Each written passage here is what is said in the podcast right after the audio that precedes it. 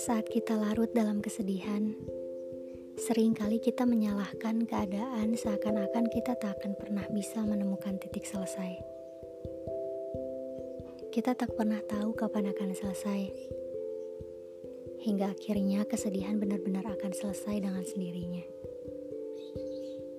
Selalu seperti itu, seperti permainan yang berkali-kali membuatmu kalah sebelum menang juga seperti layaknya kehidupan yang berkali-kali membuatmu sedih sebelum senang.